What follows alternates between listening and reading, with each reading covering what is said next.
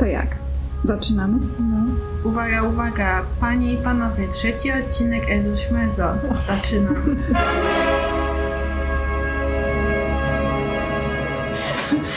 No dobra, no cześć. Z tej strony Jaga.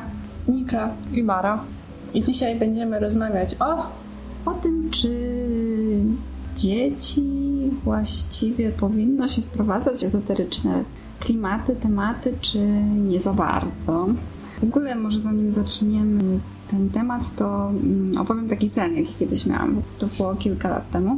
Śniło mi się, że idę sobie takim polem, gdzieś tam w oddali jakiś las było widać i to pole jest całe porośnięte takim położonym zbożem, które nie zostało skoszone. Została taka zrujnowana budowla i na samym środku szyld, na którym było napisane świątynia. I ja sobie jako ja weszłam do tej świątyni i nagle okazało się, że tam w środku w tym budynku jest jakiś kompletnie inny wymiar, wszystko jest ukończone, odremontowane i w ogóle wiele pięter ciągnie się gdzieś aż tam super wysoko do nieba. I okazało się, że to była taka świątynia wielu wierzeń. I na każdym piętrze znajdowało się miejsce dla poszczególnej religii. Tak wchodziło się po schodkach góry i tutaj się mijało właśnie e, protestantów, potem wyżej trochę prawosławie, później jeszcze wyżej buddyści, sataniści zażynający kozę. I jeszcze wyżej, jeszcze wyżej, aż tam się dochodziło do samej góry i przez te wszystkie wierzenia można było przejść i je zobaczyć. I jakby ideą całą tego miejsca było to, że wszystkie te religie właściwie mogą razem ze sobą funkcjonować. Nie było tam żadnej fabuły w tym śnie, tylko właśnie miałam takie poczucie, że przeszłam się po takiej ścieżce e, wszystkich dostępnych religii i miałam wrażenie, że pomiędzy nimi panuje mimo wszystko jakaś taka harmonia i są w stanie się nawzajem tolerować i nie wykluczają się i nie, nie próbują się zwalczać w żaden sposób. Taki sen miałam. Mhm. Przyjemny, uważam.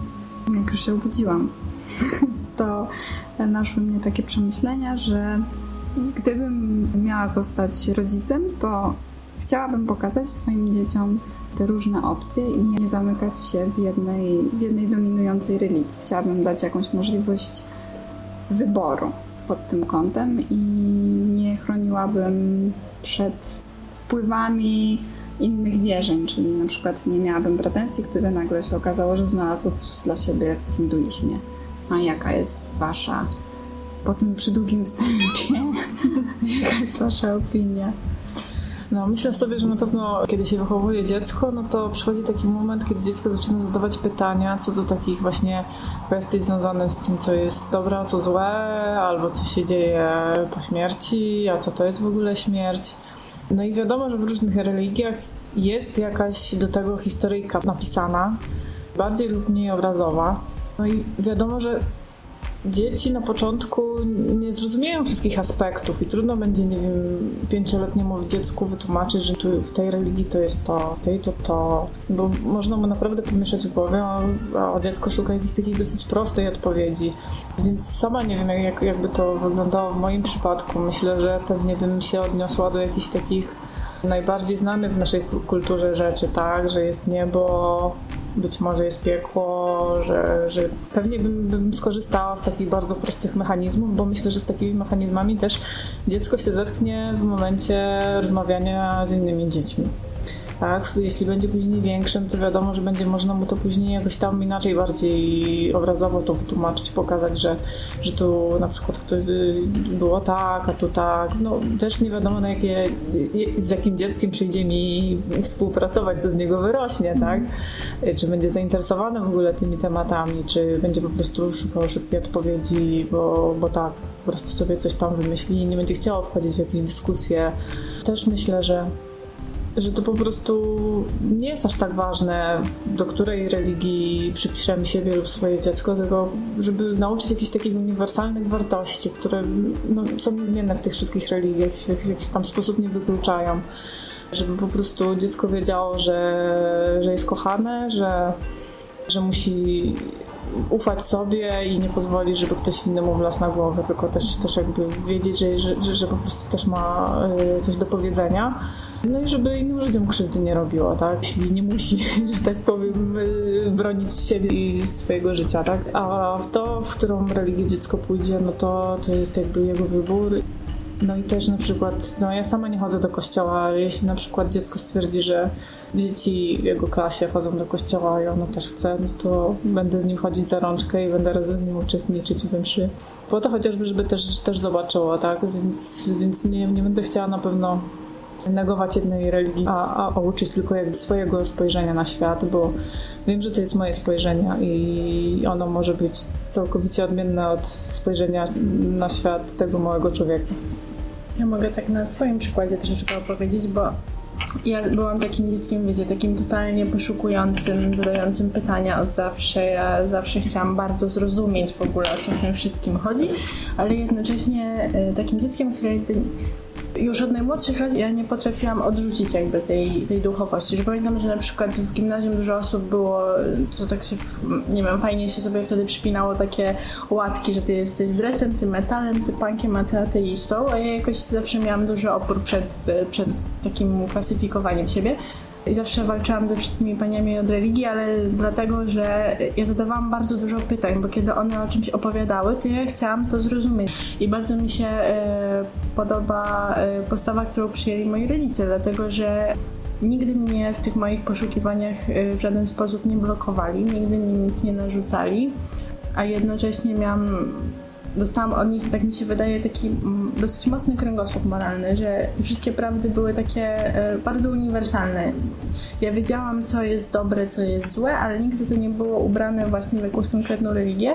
I na przykład jak e, miałam wieloletnią fazę na, na mitologię grecką, o czym już kiedyś wspominałam i tym sobie tłumaczyłam totalnie świat i, i to, jak to wszystko funkcjonuje, to nigdy nic nie stało na przeszkodzie. I tak samo, kiedy w liceum powiedziałam, że nie chcę chodzić na religię po, po pierwszej lekcji, na której już wiedziałam, że się z katechetką całkowicie nie dogadam, ale znowu nie przez to, że powiedziałam, ej, pani jest głupia, tylko dlatego, że zadałam jej po prostu pytanie odnośnie tematu, o którym mówiłam i zapytałam, dlaczego tak jest i jej odpowiedź była taka, wiecie, z serii, bo tak. No to bardzo mi się podoba to, że moi rodzice pozwolili mi wtedy chodzić na etykę i tak troszeczkę właśnie szukać na własną rękę. No ale z drugiej strony też jakby mm, powiedziałam im, że to nie jest tak, że ja nie wiem, odrzucam, tak? I że ja nie chcę chodzić na religię, bo chcę mieć okienko albo mam to wszystko gdzieś, tylko że chcę szukać i chcę zrozumieć. No i że oni mi pozwolili na to, bo wydaje mi się, że jeżeli ktoś jest do czegoś przymuszany, no to co z tego, że ja sobie odsiedzę te lekcje religii, jak będę, nie wiem, grać na telefonie albo coś, a wydaje mi się, że duchowość jest ważne w życiu każdego człowieka i że mm, szczególnie dzieci, zanim jeszcze się je wtłoczy w te takie, wiecie, sztywne ramy i systemy, one, one szukają tej prawdy, a wydaje mi się, że ta prawda jest taka dosyć uniwersalna i, i, i, to, i to nie ma znaczenia, w jakim to będzie systemie. No, inną rzeczą jest to, że żyjemy w jakiejś tam kulturze, tak? I, i zawsze to będzie łatwiej na przykład w Polsce um, wychowywać dzieci po katolicku, a w Indiach um, według wierzeń buddyjskich i, i to ułatwia, ale wydaje mi się, że dzieciom po prostu powinno się pozwolić na taki mm, dosyć swobodny, ale na, lekko nadzorowany rozwój, tak to nazwijmy. Ja myślę, że też to, czy się interesujemy duchowością, to też jest tak, że to, to może w ogóle nie przyjść, tak? Mhm. Może być tak, że jest człowiek, który w jego życiu nie ma duchowości, że po prostu stwierdza, że nie, nie chce chodzić do kościoła i w ogóle się nie zastanawia nad tymi tematami. Wiadomo, że nie będzie poszukiwał, nie będzie potrzebował nie wiem, szukania w różnych religiach jakichś takich odpowiedzi na swoje życie, bo, bo może i nie, tak? Ale też, też myślę, że jeśli takie pytania się pojawią, no to, no to, to jeśli dziecko będzie na tyle duże, żeby zrozumieć, że po prostu świat wygląda różnie z, z każdego punktu widzenia, no to fajnie jest, jest to przedstawić, tak? tak? Myślę, że to jest na tyle interesujące, takie opowieści, czy to biblijne, czy to z innych wierzeń, że, że, że po prostu to będzie nawet miła opowieść czytana do poduszki, mhm. a co będzie później dziecko chciało wierzyć, to, to już, już samo wybierze. Najgorsze jest takie narzucanie i, i tłumaczenie rzeczy w kategorii tak jest, bo tak jest i koniec i dziecko nie pytaj, bo to zawsze rodzi jakiś taki bunt i odrzucenie w sumie. No nie wiem, przynajmniej we mnie rodziło, kiedy, kiedy na przykład właśnie pytałam te wszystkie panie od religii, ale dlaczego tak jest? Albo babcie, ale dlaczego tak jest? I otrzymywałam odpowiedź, bo tak, no nie wiem, dla mnie to nie było wystarczające. Kurczę, chyba w filmie Życie Pi był taki wątek właśnie tego chłopca, postaci. Na początku tak bardzo poszukiwał różnej religii, że przeszedł po wszystkie możliwe religie świata i, i, i do kościoła chodził i tam o bogach właśnie różnych czytał z innych wierzeń. To było właśnie fajne, pamiętam w tym filmie. No, w sumie pewnie tej, na podstawie książki, tak, więc pewnie jest bardziej w książce opisane, że właśnie to, to było tak obrazowo pokazane, że on z tymi bogami rozmawiał. To było fajne, pamiętam.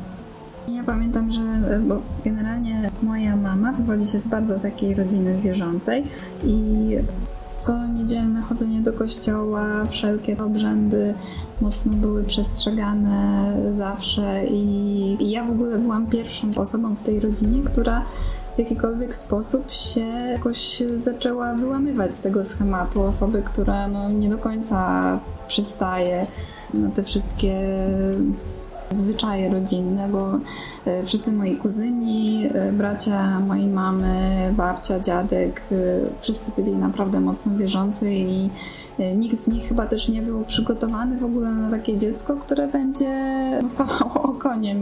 I ja pamiętam, że oczywiście dokąd dorośli mogli decydować za mnie i tak nie było przy mnie mamy, a znajdowałam się na przykład u wujka na wakacjach, no to oni mieli ten decydujący głos, no to zawsze zmuszali mnie do tego, żebym chodziła do kościoła, mimo że nic to nie dawało. W sensie dawało tyle, że ja byłam coraz bardziej uprzedzona, a poza tym no to jeszcze dochodziła kwestia tego, że moi wujkowie mieszkali no, na wsi. Y, na tej wsi był taki właśnie kościół z księdzem, który naprawdę bardzo takie tendencyjne miał kazania, no, wszystko było takie patologiczne i w ogóle do mnie nie trafiało, a na dodatek to był taki maciupeńki kościółek, w którym było super mało miejsca i straszny tłok. Zawsze jak chodziliśmy na mszę, to ja w tym ścisku po prostu miałam jakieś takie omdlenia i musiałam wychodzić, prawie mdlałam i nawet jakieś takie podejrzenia, wiecie jak to jest na wsi, ploteczka, że ja zawsze na każdej mszy wychodzę na galaretowatych nogach i wszyscy myśleli, że we mnie po prostu siedzi jakiś szatan, a że ja jeszcze taka jestem buntownicza, to w ogóle na pewno coś, coś tam się ze mną dzieje niedobrego. No i straciłam wątek.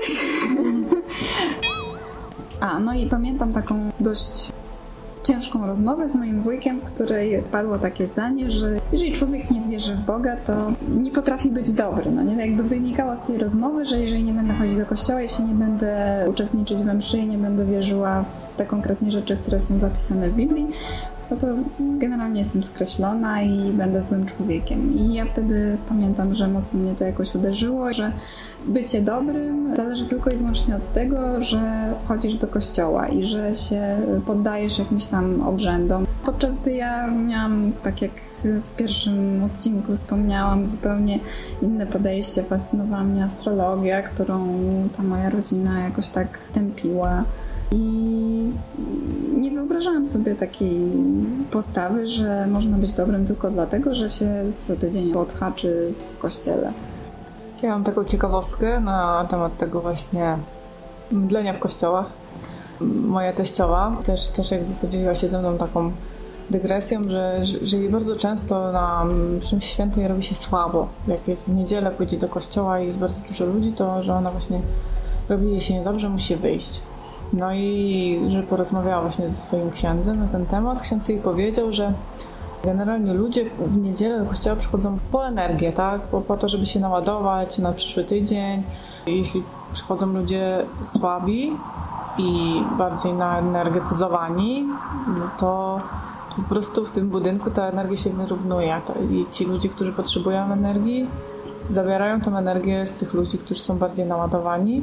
I ja też pamiętam jako dziecko, że też mi było często słabo w kościele i jak z kimś tam rozmawiam, to generalnie ludzie mają podobne wspomnienia, tak, że dzieci, czyli takie istotki, które mają w sobie pełne energii, że, że, że po prostu po niedzielnej mszy wychodzą takie bardzo zmarnowane z tego Czyli kościoła. po prostu dorośli na nich wampirzą energetycznie. No może nie, nie wampirzą, ale nawet myślę, że, że z jakiś tam no pewnie jakieś, do jakiegoś wyrównania poziomu energii na pewno rzeczywiście może dochodzić, tak? Więc ja na przykład lubię czasami pójść do kościoła, nie, nie podczas mszy, tylko właśnie kiedy kościół jest pusty i mam chwilę dla, dla siebie, żeby, żeby rzeczywiście w ciszy i w spokoju się pomodlić. Tak robi też moja teściowa, że raczej nie wchodzi do, do kościoła pełnego ludzi. I działa. Działa. Tak, po drodze zrodziło mi się takie pytanie. Co myślisz na przykład o tym, żeby wprowadzać może nie jakieś super małe dzieci, no ale w takie rytuały codzienne, takie bardziej z obszaru jakiegoś wiedźmowania w stylu, wiesz, palenie świeczek, oczyszczanie domu. Wiesz co, no, to jest też taki temat, który ja dopiero sama odkrywam, tak? I to, że ja testuję różne rzeczy na sobie, nie, niekoniecznie oznacza, że ja muszę innych to wkręcać, no bo sama też te, też nie wiem wszystkiego, nie wiem jak to działa, jaki to ma wpływ stuprocentowy na mnie, mogę w coś wierzyć. Ja generalnie wierzę w to, że raczej nic złego mi się nie stanie, jeśli ja na to nie pozwolę, tak? A jeśli moje dziecko uwierzy w to, że nie wiem, że tu przyjdą jakieś duchy i później nie będzie mogło spać, to, to też nie będzie to fajne, tak? Więc jeśli będzie chciało spróbować, to postaram się wytłumaczyć, co ja robię, czemu to służy. Jeśli będę miała możliwość sięgnięcia po jakieś naukowe artykuły, żeby, żeby dla porównania co coś powiedzieć, to, to też z tego skorzystam. Na przykład jeśli chodzi o okazanie mieszkania szałwią, no to wiadomo, że uchodzi to za jakiś tam rytuał oczyszczający, wygania się duchy, jakieś myślokształty, tak? Ale przeczytałam ostatnio, że palenie właśnie takich kadzideł sprawia, że się wybija bakterie w powietrzu. A, to prawda. Tak, więc, więc to są takie rzeczy, które no, w jakiś ten sposób ktoś kiedyś intuicyjnie być może robił i to było związane z wierzeniami, z jakimiś no, zabobonami, czy jakkolwiek to nazwiecie, ale ma też jakieś tam właściwości, które ktoś gdzieś tam obliczył, zbadał. Tak samo jeśli chodzi o palenie świeczek, świeczki też jakby czyszczą powietrze. Pamiętam, jak właśnie taka przyszywania, przyszywana ciocia zawsze zapalała świeczkę, kiedy zapalała papierosa i, I, widziałam właśnie, jak ten dym z papierosa idzie do tej świeczki i tam po prostu znika. Później gasiła tą świeczkę, ale tak, żeby ta świeczka się nie dymiła, tak? Więc po prostu ją gasiła, że tak powiem, na mokro. No i to, to był też jej sposób na to, żeby nie śmierdziało fajkami na przykład w domu, więc, więc myślę, że palenie świeczek może mieć e, działanie terapeutyczne, jakaś tam aromaterapia na pewno też, no ale oczyszczanie powietrza również, więc zawsze można dziecku powiedzieć, że tu wierzymy, ja wierzę na przykład w to i w tamto, ale, ale też możesz wiedzieć o tym, że, że to na przykład oczyszcza powietrze, tak? Myślę, że bardzo dużo takich rytuałów, które uchodzą za typowe ezoteryczne, magiczne, ma jakieś tam odbicie w tym, jaki to rzeczywiście ma wpływ no, taki naukowy, tak, który da się gdzieś opisać, przeczytać, zbadać. No ale zobaczcie, że w niemal każdej świątyni też palą się świece. I też jest kadzidło. No tak. Więc to jest wszystko takie... To jest Przychodzą wierni z katarem. Tak, trzeba coś z tym no, zrobić. Tak, oczywiście. No. U mnie w domu, jak byłam bardzo mała, to często się paliły świeczki intencyjne. Moja mama sobie tam jakieś życzenie po prostu zapisywała na świeczce. I ją zapalała i była taka zasada w domu, że nie gasimy tej świeczki, no bo ona się musi do końca dopalić, żeby to życzenie miało szansę się spełnić. Więc to sobie zapamiętałam z dzieciństwa. I oprócz tego często też może nie jakoś nachalnie, no ale stosowała na mnie jakąś pracę z energią, że jak miałam jakieś bóle brzucha, to ona mi przykładała ręce tam w odpowiedni sposób i starała się mnie uspokoić tym. I pamiętam, że to było też takie niesamowite, bo te ręce były takie ciepłe i tak, takie biło z nich takie ciepło, więc musiała jakoś mocno mnie ładować pozytywnymi prądami, fluidami. Pamiętam, że też mama mi zabraniała malować takich potworów, jakichś tam strasznych rzeczy, no bo jak się rysuje, znaczy jak się myśli o takich rzeczach, to się je po prostu przyciąga. I ona mi zawsze powtarzała, żeby żadnych tam wampirów nie malować, duchów i tak dalej, bo, bo to może tam mieć jakiś negatywny wpływ na mnie. A wy macie jakieś takie rzeczy, które wam się kojarzą z dzieciństwem? No, tak jak wcześniej mówiłam, u mnie w domu nie, nie było tradycji ezoterycznej, ale, ale wiadomo, że była w jakiś sposób tradycja i, i związana z jakimiś religijnymi świętami, tak? Więc, więc wiadomo, że, że jeśli były święta Bożego Narodzenia, no to tam było sianko pod obrócem, też na przykład się jakieś tam było najdłuższe wyciągało, to też coś tam oznaczało. Było łuskę skarpia, się chowało do portfela. No, żeby, mnie też. Tak, żeby było bogactwo. Na Wielkanoc na przykład z palemki się Baziego kotka urywało, się połykało, że to też miało być na zdrowie. Więc jakby są takie rzeczy, które się robi, które są związane z jakimiś tam wierzeniami, ale też z tradycją, że się robi, bo ktoś kiedyś tak robił. Więc, więc w sumie miło jest to po prostu kultywować, żeby też, też, też mieć pamięć o tym, co było kiedyś, tak? O tym, co robili dziadkowie, o tym, żeby zostawić wolne miejsce dla wędrowca przy stole. Można powiedzieć, że nie wiem, jeśli ktoś jest mega przeciwny i nie obchodzi świąt w ten sposób, można powiedzieć, że nie, że ja tak nie robię, bo to są bzdury, no ale to czemuś służy, tak? To ktoś to po, to po coś wymyślił te wszystkie rytuały, te, te wszystkie takie rzeczy, które się robi tradycyjnie. I, I, warto po prostu dzieciom też to pokazać, żeby, żeby wiedziały, że coś takiego kiedyś było, że ktoś to wierzył, że my też możemy tak zrobić. Jeśli chcesz, no to proszę bardzo, czemu nie? Ja pamiętam, że moi rodzice robili jakieś tam rzeczy drobne, że mama miała jakiś tam płócienny e, woreczek z grochem, który miał coś tam związanego ze szczęściem, ale, ale pamiętam, że właśnie, że to było, ale pewnie gdybym zapytała, to by mi o tym opowiedzieli, ale tak sami z siebie nigdy nie... Z jednej strony się nigdy z takimi rzeczami nie kryli, ale z drugiej strony też nie było jakiegoś tam narzucania, że chodź dziecko, zobacz, tak się robi, żeby być szczęśliwym. Na przykład takich rzeczy nie było. Jedyna, jedyna rzecz to, to było coś takiego... Mm, nie pamiętam jak to się nazywa, ale, ale jest coś takiego, że y, mieszkanie dzieli się na pewne strefy przyporządkowane do różnych obszarów życia. Wiecie, miłość, rodzina, finanse. I feng shui? To jest chyba z feng shui związane.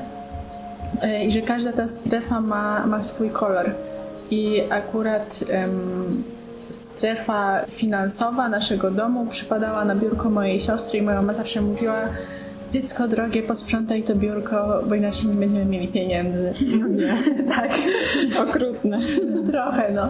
To dla mnie na przykład to było motywujące, żeby mieć porządek w szafie, bo w moim pokoju akurat to była szafa i pamiętam, że tak siebie przekinałam. Boże święty, dlaczego ja postanowiłam postawić tą szafę w tym miejscu i dlaczego jej nie mogę przystawić?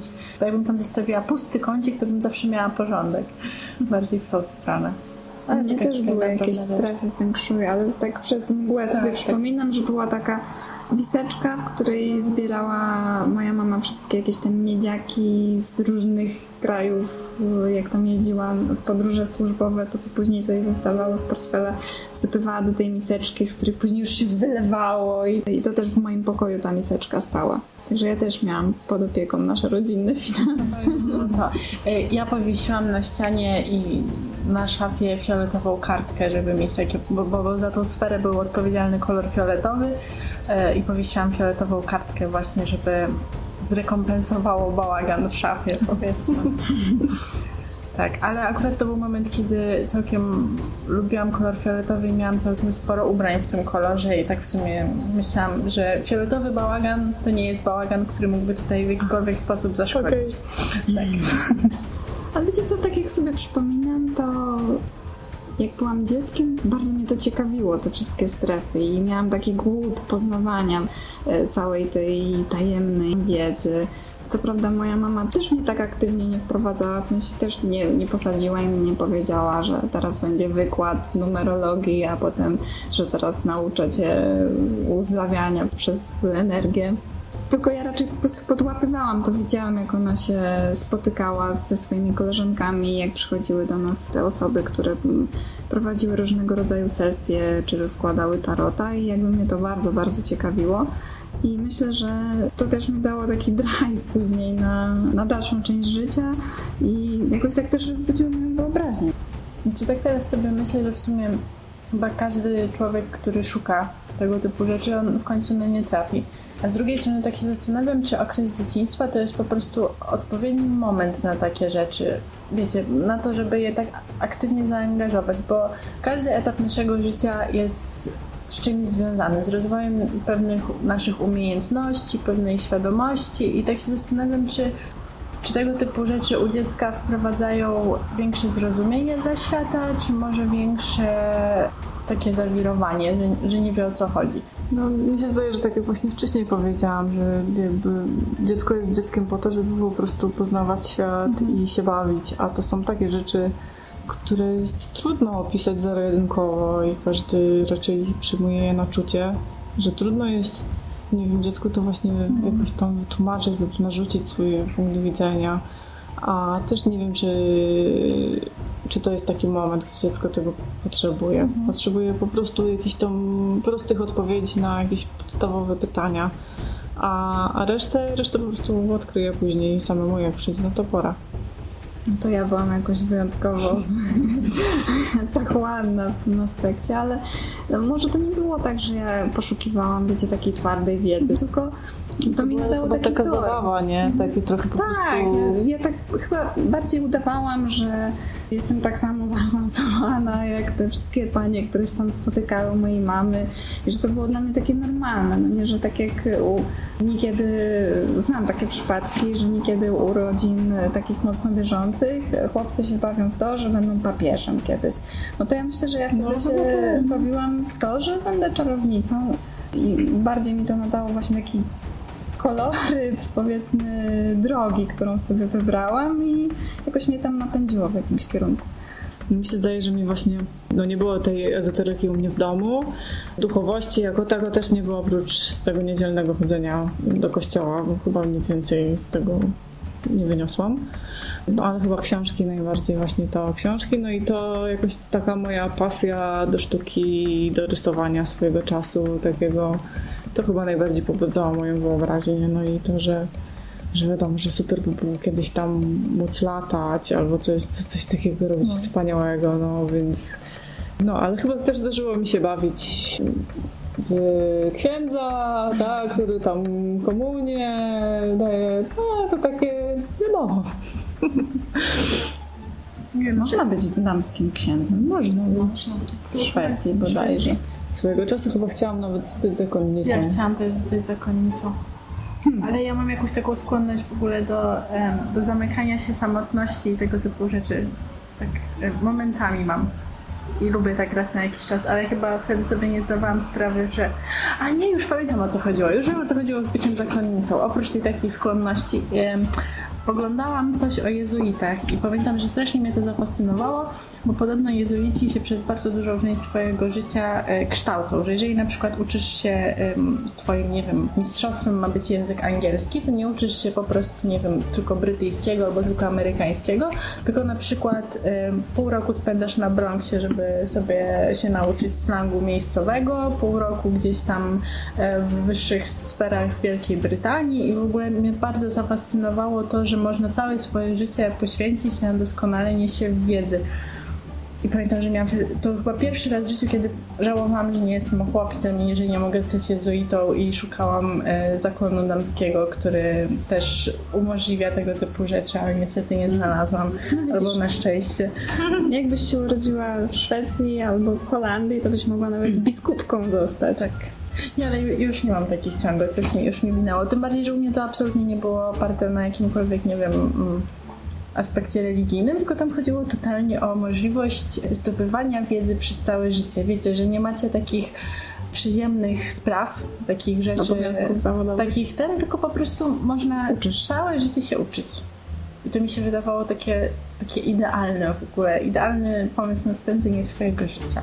A tak w ogóle wracając jeszcze do, dzieciństwa, to ja ostatnio sobie tak pomyślałam, że kurczę, jak byłam mała, to po prostu wyobrażałam sobie, że moje życie będzie takie w ogóle niezwykłe, że takich rzeczy nie wiadomo jakich dokonam. W ogóle jakby wracanie do tego wspomnienia jest takie super przyjemne, bo jakby przypominam sobie mm, to uczucie, no nie, które mi towarzyszyło, że to była taka fascynacja i w ogóle, że będę, nie wiem, tam jakimś archeologiem chciałam być, ale nie takim zwykłym, co tam sobie grzebie, tylko ja bym chciała być Indiana od razu jak. Indiana Jones, Tak, nie ograniczajmy się. Albo jak Lara Croft i gdzieś tam będę łazić po jakichś świątyniach, odkrywać właśnie te stare religie. No i że w ogóle miałam takie poczucie, że nie ma takich granic pomiędzy fantazją, że rzeczywiście to mi się będą te rzeczy spełniać, ja ich nie, nie odrzucałam. I wierzyłam, że, że to się będzie działo. No i się nie dzieje. no może nie, no dzieje się inaczej. Ale fajnie tak sobie wrócić do takiego Ale chyba też jest spoko. Ja z perspektywy czasu myślę, że może nie zostałam jakąś tam czarodziejką z księżyca, ale, ale w sumie też spoko ze mnie czarodziejka jest. Inne rzeczy umiem robić. Spoko czarodziejki. Ja chciałam być agentką CIA, co mnie totalnie, ale wiecie, to było takie precyzyjne, nie FBI, nie policjantką, tylko agentką CIA. Nie wiem skąd to się wzięło i to mnie strasznie bawi dzisiaj, bo w ogóle teraz mam takie totalnie zapatrywania pacyfistyczne i brzydzę się przemocą i w ogóle wszystko, ale tutaj po prostu chciałam, wiecie, mieć takie ciemne okulary, blond włosy i duży pistolet. Że ja chciałam być detektywem, bo z małą uwielbiałam oglądać takie seriale właśnie jakieś tam Jamesa Bonda czy Colombo, to tak. Myślę, że bym się nadała na detektywa. Lubię grać w przygodówki, tam trzeba dużo kminić, więc... A tak, czarownica detektyw, czarownica CIA i czarownica archeolog. No. Ej, ale słuchajcie, mamy chyba z półtorej godziny w ogóle No. gadania, to jest naprawdę niezłe. Wow, Jest czym ej, ale my, to robimy, słuchajcie, to jest w ogóle, to mnie tak rozwala, że, że padł pomysł taki z serii, ej zróbmy, ja sobie myślę, o fajnie by było zrobić, ale tak nagle... Dobrze, że ja tego nie montuję, bo ja bym pewnie zrobiła tyle, tyle, tyle, tyle, koniec, więcej nie. To jest znak, O, znak. że już czas się pożegnać i niniejszym to czynimy, bo weszły do naszego pomieszczenia nagrań studia. obce, obce osoby. Tak więc mamy nadzieję, że się podobało i zapraszamy ponownie.